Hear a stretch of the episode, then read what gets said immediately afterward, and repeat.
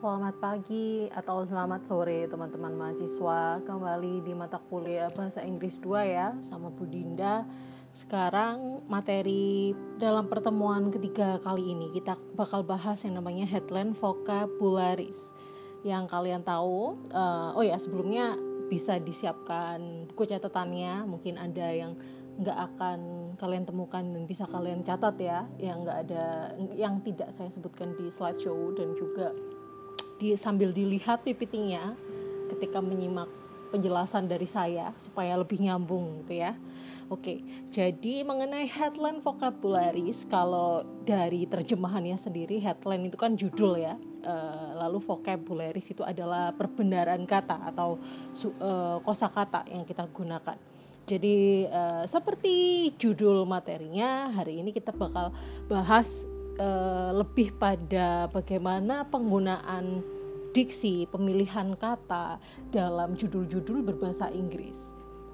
Dan tentunya uh, tidak lupa saya selalu mengingatkan kalian ya yang di slide kedua kalau yang namanya belajar bahasa apa pun, bahasa apa pun termasuk bahasa Inggris, kita pasti akan uh, harus siap yang namanya salah ya. Jadi tolong dicermati yang namanya belajar itu pasti ada proses di dalamnya dan kalau salah itu namanya normal. Jadi kalau di sini kalian bisa lihat ya uh, when we uh, made English mistake, we pro probably will feeling embarrassed. Embarrassed ini uh, perasaan malu tapi nggak apa-apa because uh, this embarrassment is universal feeling jadi semua orang pun di dunia ini juga pasti punya perasaan malu seperti ini jadi uh, ini it's not a big deal ya ini bukan sesuatu yang besar dan uh, ya ya udah ketika kita buat kesalahan ya sudah yang penting kita uh, coba yang apa namanya semampu kita seperti itu.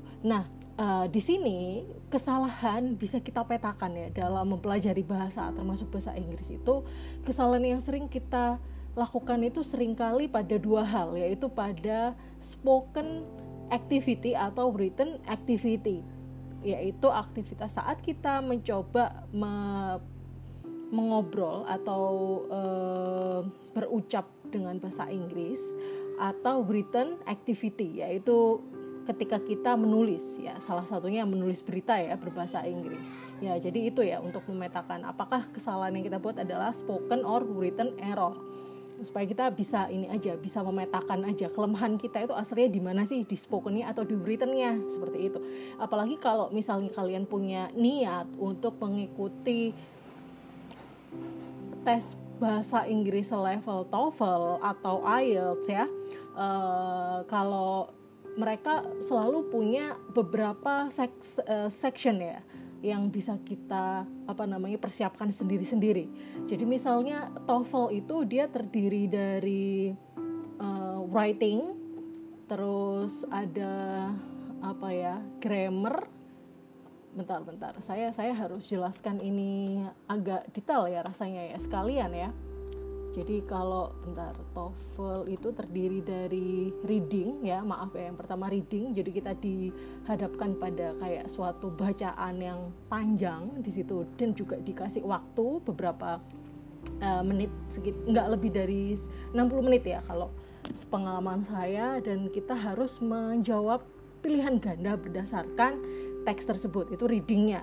Lalu ada structure-nya. Structure ini structure and written expression ini uh, terkait dengan grammar ya bagaimana kita bisa uh, sensitif dengan kesalahan-kesalahan yang uh, sebenarnya ini sangat sepele tapi banyak sekali dilakukan uh, terkait dengan grammar dengan tata letak sebuah kata dalam struktur kalimat misalnya seperti itu. Itu itu structure. Dan yang terakhir adalah listening. Listening comprehension ini bagaimana ketika kita bisa mendengarkan uh, sebuah audio yang berisi pertanyaan dan juga percakapan-percakapan lalu di, akan disusul dengan jawab apa namanya pertanyaan pada kita dan kita bisa memilih pada pilihan gandanya. Seperti itu. Itu kalau TOEFL ya. Jadi TOEFL itu ada tiga tadi listening structure sama reading. Sedangkan kalau misalnya IELTS ya mungkin kalian uh, paham kalau TOEFL itu lebih pada tes secara umum banyak sekali digunakan di Indonesia karena TOEFL punya versi murahnya yaitu TOEFL ITP ya. TOEFL ITP itu yang paling sering karena mudah dijangkau uh, dia cukup kita membayar senilai sekitar 50 dolar atau kalau dikonversikan di rupiah itu biasanya jadi 500 ribu sekitaran gitu ya tergantung kursnya kurs rupiahnya uh, ada berapa. Jadi kalau kita kepingin uh, yang paling murah itu memang TOEFL ITP itu uh, ada di lembaga-lembaga kursus yang uh, ber sudah berlisensi ya. Kalau di Surabaya itu ada punya pusat bahasanya UNER, pusat bahasa UNESA, pusat bahasa ITS umumnya ada di kampus-kampus negeri yang menyediakan tes ITP tersebut. Karena uh, itu itu kan harus berlisensi dan kita tesnya juga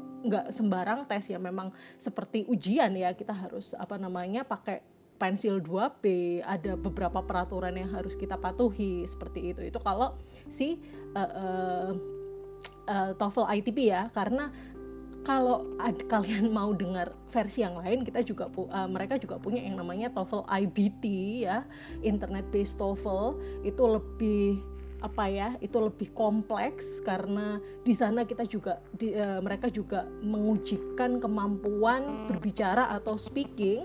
Jadi itu bedanya. Kalau ITP itu mereka lebih disukai karena hanya tiga nggak ada speaking dan juga lebih murah. Tapi kalau IBT TOEFL IBT mereka itu uh, sudah lumayan sulit karena menyangkut empat aspek. Tambahan speaking yang tadi udah gitu juga harganya sangat uh, bisa dikatakan jauh lebih mahal ya. Mereka mematok itu sekitar berapa? Sekitar 200 dolar USD kalau nggak salah yang kalau dikonversikan itu jadi sekitar 2 sampai 3 juta rupiah sekali tes.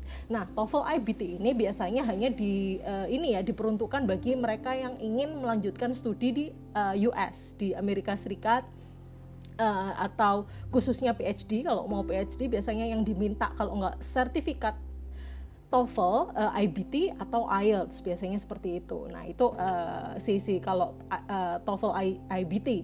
Lalu kalau IELTS itu seperti apa bu? Nah kalau IELTS sendiri itu kan bedanya dia sama seperti TOEFL, IBT aslinya. Jadi di sana juga ada empat aspek, yaitu listening, reading, writing, dan speaking. Ini uh, mirip seperti IBT, cuman bedanya kalau di IELTS ini kita speakingnya akan selalu diwawancarai, ya kita akan face to face sama yang namanya native speaker. Jadi akan ada orang dari luar uh, orang yang sehari harinya mereka menggunakan bahasa Inggris yang akan mewawancarai kita dan itu lumayan sulit ya dimulai dari perkenalan sampai kita harus menceritakan aktivitas kita dengan uh, lengkap uh, dalam sekitar 30 menitan. Itu itu uh, untuk IELTS. Sedangkan di TOEFL IBT itu uniknya kita akan diwawancarai dengan uh, artificial intelligence atau dalam bentuk mesin komputer ya. Jadi itu memang sangat awkward bagaimana kita bisa membayangkan kita ini diwawancarai sama komputer yang mereka juga sudah punya sistemnya yang sangat rigid ya untuk bagaimana mewawancarai manusia seperti itu. Itu kalau yang IBD, tapi kalau IELTS kita akan diwawancarai oleh orang yang mengasesmen kita adalah uh, native speaker itu sendiri. Nah, itu itu uh, sekilas ya untuk kalian perbedaan apa sih? Perbedaannya IELTS sama TOEFL. Dan ternyata TOEFL pun juga masih bermacam-macam. Ada TOEFL ITP, PBT, IBT seperti itu. Uh, kalau kalau IELTS itu digunakan di mana? Bedanya mungkin kalau US itu uh, kalau IB TOEFL itu kan punyanya US jadi banyak sekali uh, permintaan dari kampus-kampus yang meminta TOEFL itu dari kampus-kampus Amerika. Tapi uh, kalau IELTS ini lebih banyak digunakan di negara-negara Eropa, di UK dan Australia. Jadi kalau biasanya kita kepingin ikut apa ya uh, apply apply beasiswa short course atau S2, S3. Nah, lebih baik menurut saya pribadi, menurut pengalaman, pengalaman saya kita uh, intensif belajar dan tes IELTS ya. Walaupun juga nggak murah karena IELTS ini harganya sama kayak IBT jadi sekali tes ini bergantung AUD Australian dollar itu bisa mereka mintanya sekitar 300, 200 eh, sampai 300 UAD ya sama kayak IBT jadi sekitar 2 sampai 3 juta tergantung kurs dolar Australia. Lalu uh, ketika kita mendapatkan sertifikatnya nanti paling tidak itu akan berlaku sekitar dua tahun se sejak kita tes itu. Itu pun juga kalau skornya memenuhi ya. Karena skor yang dibutuhkan juga berbeda-beda ya. Kalau TOEFL itu kalau TOEFL ITP mereka pakai skor berapa? Mulai dari 200 sampai 600 sekian ya. Jadi kalau ukuran mau keluar negeri be, uh, apply beasiswa ke luar negeri kalau pakai TOEFL ITP itu biasanya kisarannya 550 minimal skor uh, ITP uh, TOEFL ITP-nya. Sedangkan kalau IBT itu saya kurang tahu ya, saya belum pernah TOEFL IBT tapi kalau nggak salah dia skor scoringnya itu sekitar 75 sampai 100 berapa gitu. Dan untuk uh, mengamankan ke luar negeri itu aduh saya kurang tahu. Mungkin bisa browsing sendiri ya berapa skor IBT TOEFL IBT yang dibutuhkan supaya kita aman untuk apply beasiswa short course atau uh, yang lain-lain ke luar negeri. Itu kalau si uh, IBT sedangkan kalau IELTS IELTS ini bervariasi. Jadi kalau tergantung kita mau apply-nya buat apa. Biasanya kalau buat short course atau buat S1 skor IELTS itu minimal 6 itu cukup ya jadi mereka scoringnya pakai uh, angka 5 sampai angka 8 atau 9 gitu ya. Sedangkan kalau S2, S2 biasanya mereka akan minta uh, bergantung jurusannya juga. Tapi kalau untuk jurusan-jurusan rumpun ilmu sosial dan humaniora seperti kita, di mana kemampuan untuk ngomong itu sangat dibutuhkan ya. Jadi si IELTS ini akan meminta sekitar 6,5 sampai 7 biasanya skor yang dibutuhkan seperti itu. Lain lagi kalau uh, beda lagi dengan PhD eh, atau S3. Kalau mau PhD di Inggris, di Australia, mereka ya minta skornya yang jelas yang tinggi ya. Uh, minimal biasanya mereka minta 7,5 skor IELTS-nya seperti itu seperti itu ya. Itu uh, sekitar pengantar buat kalian supaya kalian punya sedikit insight wawasan mengenai perbedaan tes-tes berbahasa Inggris seperti itu. Nah sekarang kembali ke materi kita. Ini tentang um, headline vocabularies ya. Sekali lagi kalau kita melihat sebuah berita yang berbahasa Inggris pastinya judulnya itu bukan sembarang judul. Kemarin kan kita bisa lihat ya bagaimana yang ya, saya sudah coba jelaskan kemarin kalau judul berbahasa Inggris itu penuh dengan konteks. Kita harus bisa memahami sesuai dengan konteksnya. Begitu juga dengan cara mereka membuat judul. Ternyata ini sedikit berbeda dengan bahasa Indonesia karena bahasa Indonesia itu uh, lebih apa ya lebih umum banyak sekali kata yang tidak exact yang tidak pasti. Kayak misalnya dia dia itu kan uh, bisa berarti laki-laki atau perempuan kita tidak tahu. Tapi kalau bahasa Inggris kita pakai he she it. Kita bisa mengetahui dia laki-laki dia perempuan atau dia adalah benda. Seperti itu. Jadi uh, karena itu akhirnya sifat-sifat dalam berita berbahasa Indonesia dan berbahasa Inggris itu bisa jadi uh, sangat berbeda seperti itu. Nah dalam membuat lalu uh, kaitannya dengan berita berbahasa Inggris, rumus membuat judulnya pun juga penuh dengan kekhususan, kekhususan seperti itu ya. Di sini ada tiga rumus yang saya coba rangkum menjadi satu dan semoga kalian bisa memahaminya dengan mudah. Yang pertama ya seperti di slide nomor tiga adalah penggunaan diksi yang pendek atau short words seperti itu. Jadi uh, mereka sering kali menggunakan kata-kata yang dipersingkat ya. Jadi ada memang satu eh, kata-kata uh, yang sifatnya itu mereka tidak banyak digunakan di percakapan bahasa Inggris sehari-hari, tapi uh, dia juga punya arti yang sama dengan apa yang bisa kita yang uh, yang biasa kita lakukan menggunakan percakapan sehari-hari dengan bahasa Inggris tersebut. Misalnya nih, misalnya uh, kalau uh, bahasa Inggrisnya preman ya uh, ada yang tahu nggak bahasa Inggrisnya preman? Coba saya cek.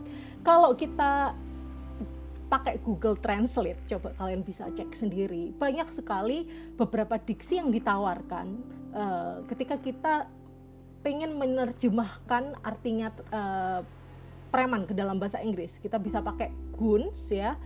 Kita bisa pakai uh, civilian tapi ternyata bahasa Inggris ini mereka juga punya uh, kata slang ya.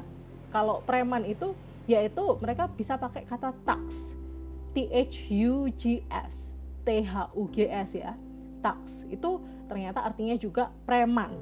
Nah, ini contohnya bisa dilihat di uh, bagian kata yang di short words itu yang sudah saya bold. Uh, contohnya ada judul yang seperti ini, Tux Battle. Uh, sorry, Tax Battle ya. Tax itu tadi saya ceritakan ini adalah preman dan battle itu perkel perkelahian ya seperti biasa. Jadi mungkin secara tersirat kita bisa paham kalau Tux Battle adalah perkelahian antara preman. Memang ini sangat padat, singkat dan jelas ya. Jadi dari kata dari terminologi tax battle aja kita sudah bisa menebak oh ini mungkin berita mengenai preman yang berkelahi seperti itu. Uh, walaupun kalau misalnya uh, tax battle ini kita rubah jadi spoken word atau bahasa yang berbicara yang yang bahasa ngomong uh, itu akan bisa jadi lebih panjang ya. Some tax have been fighting. Beberapa preman uh, baru saja berkelahi misalnya seperti itu. Itu kan itu bagaimana ya menyiratkan kalau dalam bahasa-bahasa headline, bahasa-bahasa judul, mereka sering kali memilih penggunaan kata-kata yang pendek-pendek saja ya yang ya, disatu-satukan tanpa bahkan tanpa ada kata kerja. Uh, kan kan nggak ada uh, apa namanya nggak atau nggak ada kata bendanya itu langsung tabrak aja jadi satu itu bisa jadi sebuah judul seperti itu misalnya tadi ya kalau uh, tax battle itu mereka lebih prefer menggunakan ini daripada some tax have been fighting kan battle sama fighting itu kan artinya sama kan sama-sama berkelahi seperti itu Lalu setelah uh, sifat yang pertama, sifat yang pertama adalah diksi yang pendek, yang kedua adalah omitted words ya. Omitted words ini adalah kata yang dihilangkan. Jadi kalau tadi saya bisa pakai contoh sebelumnya aslinya kita bisa pakai apa namanya judul some have been fighting tapi kita lebih memilih kita lebih prefer menggunakan tax battle akhirnya apa? Banyak kata yang dihilangkan di situ. Nah itu memang sifatnya judul berbahasa Inggris seperti yang saya bilang. Kalau uh, potong aja langsung tabrak asalkan itu sudah sesuai konteks dan bisa dibaca ya. Ada contoh lain. Misalnya contoh lainnya. Ini judulnya agak sedikit panjang. Kalian bisa lihat di uh, screenshot uh, di screennya ya. Ini adalah mengenai berita mengenai apa uh, banyak sekali anggota parlemen yang mencoba untuk resign ya karena perbedaan pendapat mengenai pembiayaan suatu hal. Eh, MP itu maksudnya member of parliament ya. Ini mereka menyingkat jadi MP. Kan banyak tuh kalau uh, misalnya kita langsung ambil singkatan-singkatannya aja. Misalnya kalau United Nation PBB itu kan kalau di bahasa Inggris kan Perserikatan Bangsa-Bangsa kan jadi United Nation. Tapi kalau media-media mereka cukup memakai UN UN singkatan dari United Nation itu. Atau kalau misalnya kita mau menceritakan mengenai uh, perdana menteri perdana menteri Inggris Boris Johnson ya. Langsung aja mereka pakai PM PM Boris gitu kan perdana menteri Boris. Itu sudah sangat mengadres atau memperlihatkan siapa yang dituju seperti itu. Ini contohnya uh, judul yang ditawarkan yang sudah disingkat adalah more uh, MP resignations over expenses row. Jadi maksudnya ini banyak pengunduran diri yang dilakukan oleh anggota parlemen karena masalah pembiayaan over expenses row itu tadi. Uh, nah, ini kalau misalnya ternyata di dalam bentuk spoken words, spoken words biasa ya, spoken words itu selalu lebih panjang, maka judulnya bisa jadi lebih panjang seperti more MPs have resigned over the row about expenses. Sebenarnya ini hanya menghilangkan apa? Menghilangkan kata have uh, dan about ya have dan about itu kan seperti kata uh, kata pendukung kan about itu keterangan mengenai apa have itu pelengkap dari uh, verb ya have resign. Uh, saya nggak usah nerangkan mengenai ininya ya aturan-aturan verbnya karena nanti kalian tambah pusing. Jadi saya coba terjemahkan menggunakan apa ya bahasa uh, yang lebih mudah dipahami yaitu yang sesuai konteksnya. Daripada saya uh, suruh kalian menghafal verb lagi mengulang seperti itu mungkin itu udah terlalu lama nggak kita nggak akan ke situ. Jadi uh, seperti tadi yang saya jelaskan uh, ini meng menghilangkan verb ya yang have resign hanya dihilangkan have-nya dan about. Jadi ketika dua kata ini dihilangkan ini tidak mengurangi maknanya. Karena itu tadi kita harus bisa melihat mana kata yang mempunyai kunci supaya judul itu bisa lebih berbunyi, bisa lebih apa ya bold seperti itu. Tapi tetap itu tidak menyalahi aturan-aturan berbahasa Inggris, misalnya seperti itu. Uh, jadi itu tadi ya omitted word selalu ada kata yang dihilangkan dan itu tetap harus kita lihat mana kata kuncinya mana uh, uh, apa namanya mana kata yang membuat itu berbunyi dan apakah itu bisa diganti dengan kata lain yang lebih singkat dengan short words ya kalau misalnya more MP's resignation over expenses row kita hilangkan row-nya ya nggak jelas nggak bisa. Karena row itu gabungannya dari expenses. Expenses row itu sebuah analogi sebuah uh, itu ini kan kita nggak bisa terjemahkan secara harfiah ya. Uh, sekali lagi ketika saya ngomong kita memahami judul bahasa Inggris nggak bisa kita artikan per kata. Kita harus melihat konteksnya kalau kita artikan per kata nanti jadi nggak make sense nggak masuk akal. Seperti itu. Jadi makanya kita coba terjemahkan secara keseluruhan. Kalau uh, over expenses row ini dihilangkan row-nya ya mungkin bisa jadi uh, akan akan kehilangan apa ya uh, keterangan kalau apa sih yang diperbut yang di yang dipermasalahkan sama member uh, sama anggota-anggota parlemen ini maksudnya uh, mereka me, mem, mempermasalahkan mengenai pembiayaan apa sedangkan ketika expenses row-nya ini uh, diutuhkan tetap dibiarkan seperti ini oh uh, kita jadi paham ternyata uh, apa namanya dipermasalahkan adalah pembiayaan yang uh, berkelanjutan, per, pembiayaan yang berjenjang mengenai salah satu kebijakan mereka seperti itu. Oke, itu yang kedua. Lalu yang ketiga, yang terakhir mengenai sifat dari judul berbahasa Inggris adalah adanya ambiguitas ya. Ambiguitas itu seperti biasa ketidakpastian. Jadi um, judul sering kali memang dibuat ambigu supaya kita bisa baca sampai tuntas supaya pembaca itu biasanya kan penasaran kita jadi penasaran dan kita jadi terpancing untuk membaca ya meskipun nggak sampai penuh tapi bisa dua tiga paragraf pertama itu sudah cukup bagi mereka ya targetnya seperti itu uh, ini ini bisa dibaca ya headlines are often ambiguous making the reader look the article ya supaya kita bisa melihat lebih uh, dengan membaca artikel tersebut.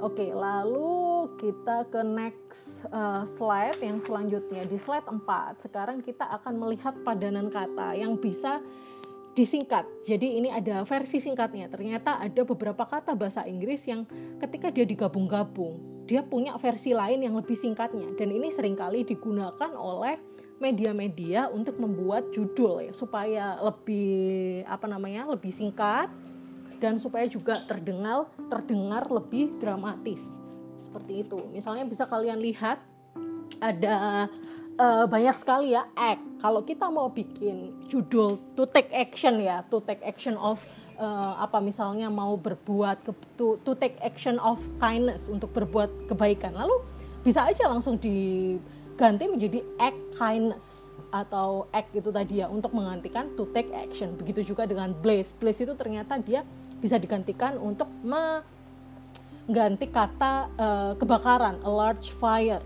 atau blow. Blow itu uh, ini ya hancur kalau kita artikan secara harfiah. Tapi kalau kita membutuhkan kata yang bersifat menggambarkan kemunduran pada suatu fenomena, kita bisa pakai kata-kata kata blow ini seperti a setback setback itu sebuah kemunduran jadi kalau misalnya kita punya berita-berita skandal uh, kita bisa pakai kata blow ini. Misalnya apa ya yang uh, kemarin kita bahas mengenai leaks. Leaks itu uh, kebocoran data.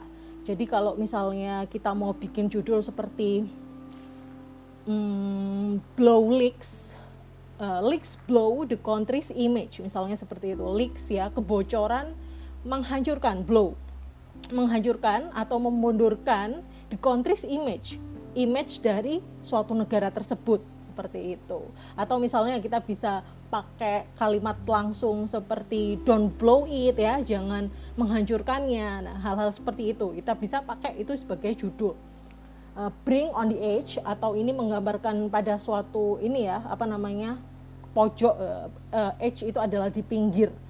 Bit itu to attempt attempt itu untuk mengusahakan. Jadi kalau kita mau menjelaskan mengenai uh, sang perdana menteri telah mengusahakan untuk menurunkan pajak misalnya seperti itu.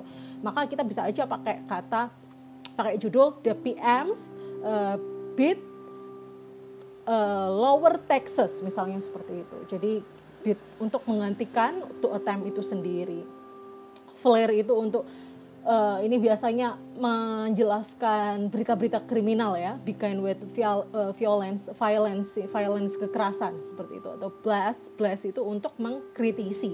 Jadi misalnya the MP uh, anggota parlemen, member of parliament uh, blasting the presiden, blast presiden. Jadi di situ maksudnya si perdana menteri mencoba untuk mengkritisi si presiden itu ya bagaimana kita bisa menggunakan ternyata banyak sekali kata-kata pendek seperti ini untuk menggantikan dari rangkaian beberapa uh, kata atau frasa atau terminologi dalam berbahasa Inggris seperti ini. Uh, kalau misalnya bu bagaimana caranya untuk menemukan kata-kata seperti ini? Kalian coba browsing di Google. Di Google itu ada semua. Bergantung kata kunci apa yang kalian pakai ketika browsing. Misalnya kalian bisa pakai uh, dalam bahasa Indonesia apa ya misalnya kalian uh, kat, uh, uh, sinonim oke okay, sinonim of large fire. Misalnya kalian pakai bahasa Inggris ya dalam uh, kalau browsing. Maka nanti akan keluar apa sih sinonim dari uh, large fire ini? Nanti salah satu dari website tersebut. Kalau kalian jeli pasti mereka akan me menjelaskan kalau kita bisa pakai kata blaze itu tadi atau kalau misalnya kalian mau pakai sinonim.com itu juga boleh sinonim.com atau Grammarly mereka juga menawarkan fitur. Atau ya pakai Google Translate pun ya. Biasanya kalau kita me, apa namanya misalnya kita pakai a large fire kita taruh di translatean English ke Indonesia lalu kita akan uh, disuguhi dengan beberapa kata-kata. Di bawahnya itu nanti ada penawaran ya bentuk sinonim sinonim lainnya itu apa sih yang bisa kita uh, gunakan tapi tetap ya kita harus bisa melihat konteksnya sekali lagi. Seperti itu. Oke selanjutnya ini adalah pola judul berbahasa Inggris ya. Kalau kita tadi kita bahas mengenai perkatanya sekarang kita bahas dari uh, apa namanya kalimatnya. Ini adalah contoh-contoh kalimat yang memang memang sedikit uh, terkesan sedikit dramatis tapi ini memang banyak sekali digunakan karena uh, sangat singkat dan terdengar dramatis memang. Misalnya uh, kalau mau bikin judul Three People Have Died in Hotel Fire atau tiga orang telah meninggal dalam sebuah kebakaran hotel, maka ternyata cukup disingkat menggunakan Three Dead in Hotel Place. Kan padahal ini ambigu ya, Three Dead ini refer to human being, ke manusia atau ini adalah maksudnya ke apa namanya uh, ke binatang bisa jadi kan? Binatang tiga ini yang dimaksudkan adalah tiga binatang yang meninggal dalam kebakaran hotel. Misalnya ada uh, beberapa pengunjung yang membawa hewan peliharaannya. Nah, itu kan ini kan hal-hal yang ambigu seperti itu. Lalu yang kedua a police officer is found not guilty after a corruption accusation. Jadi seorang polisi uh, terbukti tidak bersalah setelah dituduh e, mendapatkan tuduhan korupsi. Ini cukup diganti dengan policeman clear of corruption charge. Jadi e, pol, e, seorang polisi bersih dari tuduhan korupsi. Ini ini memang apa ya sangat sangat padat dan sangat e, jelas ya walaupun mungkin agak ambigu. Clear ini maksudnya apa? Lalu yang ketiga, a pensioner has prevent thieves from stealing things from her home. Brave pensioner foils burglars. Foils ini di sini ternyata mempunyai arti menggagalkan. Jadi uh, kan ternyata si si pensiunan ini dia mencegah pencuri ya kalau kata pertama itu dia di, menjelaskan kalau si pensiunan ini mencegah terjadinya pencurian dari rumahnya sendiri. Lah ternyata kita bisa gantikan dengan seorang pensiunan yang pemberani brave pensioner false burglars. Burglars itu perampokan atau pencurian ya jadi menggagalkan pencurian. Nah itu kan e, ternyata ya main sinonim aja ya bagaimana kita menemukan kata-kata pengganti yang lebih singkat dan meskipun ambigu nggak apa-apa tapi uh, dia cukup merepresentasikan atau mewakili maksud dari kalimat aslinya. Lalu yang keempat adalah three has been violence in Paris. De, sorry, there has been ya, bukan three. There has been violence in Paris, artinya uh, terjadi tindak kekerasan di Paris dan kita bisa menggantikan ini dengan kalimat yang lebih sangat ini sangat ini ya eh, bombastis violence flares in French capital jadi kayak kekerasan sedang uh, tumbuh di kapital di, di, di ibu kota Prancis French seperti itu. Dan yang terakhir BMW have announced they will stop producing a certain car. Uh, jadi BMW itu telah mengumumkan kalau dia akan menyetop produksi massal dari uh, mo mo mobil model B itu itu memang ini lebih sing lebih meskipun lebih pendek tapi juga lebih detail karena di judulnya yang kedua ini dia menyebutkan yang di stop adalah model B ya. Ini memang lebih exact lebih rinci lebih spesifik seperti itu ya. Kita bisa juga ganti dengan model yang seperti itu. Oke Lalu setelah mempelajari bagaimana rumus menggunakan judul berbahasa Inggris, sekarang di slide 6 saya ingin kalian memahami yang namanya bias dalam pembuatan judul berita ya, bias. Kalau bahasa Inggris itu mereka menyebut bias, avoiding bias on the headline. Jadi bias itu apa sih? Kalau kalian ini sudah mahasiswa, tentunya seharusnya kalian sudah paham bias itu apa. Bias itu adalah sebuah tendensi atau kecenderungan kita untuk memihak pada sesuatu. Jadi kita lebih subjektif di sini. Nah, itu adalah bias, ya. Nah, e, dalam judul-judul tidak hanya bahasa Inggris, bahasa Indonesia, kita bisa temukan banyak sekali judul yang bias yang mengandung unsur subjektivitas dari penulisnya.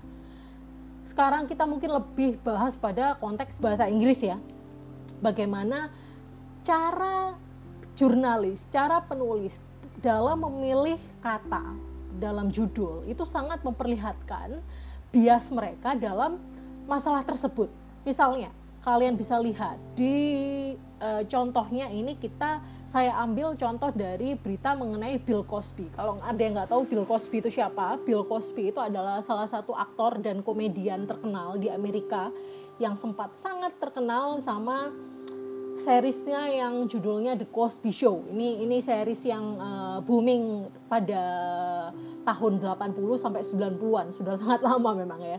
Nah, uh, si tapi sayangnya si Bill Cosby ini dia sempat dipenjara karena dituduh melakukan banyak sekali pelecehan seksual pada penggemarnya, pada rekan sesama aktor, pada banyak sekali korban-korban pelecehan seksualnya Bill Cosby ini. Nah, uh, akhirnya apa? Ini kan memancing uh, pemberitaan-pemberitaan yang dilakukan oleh media. Nah, media ini mereka juga memperlihatkan akhirnya apakah mereka punya bias tertentu, subjektivitas tertentu pada isu pelecehan seksual yang dilakukan oleh Bill Cosby ini. Misalnya kita bisa lihat yang uh, di ya ada ada dua media yang saya suguhkan ya, ada The New York Times dan ada juga uh, dari SF Gate, dari San Francisco Gate kalau New York Times, New York Times dia memilih membuat judul yang uh, sangat netral ya bisa kita lihat. Judge allows testimony of another accuser in Cosby case. Jadi hakimnya memperbolehkan saksi dari uh, korban lainnya di Cosby Case. Di sini dia hanya menyebutkan korban lainnya. Jadi kita nggak paham korban lainnya ini maksudnya korban yang mana, lalu ada berapa korbannya seperti itu. Tapi dalam judul yang diberikan oleh eh, SFG di sini sa sangat spesifik menyebutkan kalau Bill Cosby sex assault trial Oke, okay, judge allows only one other accuser to testify, not 13 mereka juga pakai uh, subjudul di bawahnya prosecutors want to call to call more women to the stand. Jadi si SF Gate ini sangat rinci memberitakan kalau uh, terkait dengan masalah pelecehan seksual yang dilakukan oleh Bill Cosby, hakim hanya memperbolehkan satu korban untuk memberikan saksi, bukan 13 korban. Nah, ini kan memperlihatkan kalau SF Gate ini sangat apa ya bias bukan sangat bias tapi dia punya kecenderungan untuk bias dalam membuat judul berita. Di judulnya kita sudah bisa menyimpulkan oh ternyata si Bill Cosby ini melakukan pelecehan seksual kepada 13 uh, eh, korban. Karena dia menyebut not 13 berarti kan ada sebanyak itu korban pelecehan seksualnya si Bill Cosby ini. Dengan seperti itu mungkin publik bisa lebih tertarik untuk membaca. Publik yang mungkin mereka punya proximity, kedekatan dengan hal-hal semacam ini, dengan kasus-kasus pelecehan seksual.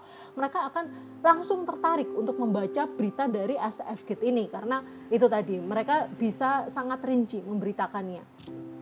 Ya, ini adalah contoh uh, bag, uh, apa namanya contoh pertama adalah bagaimana kita membuat judul itu bisa sangat bias ya kalau kita nggak hati-hati misalnya seperti itu.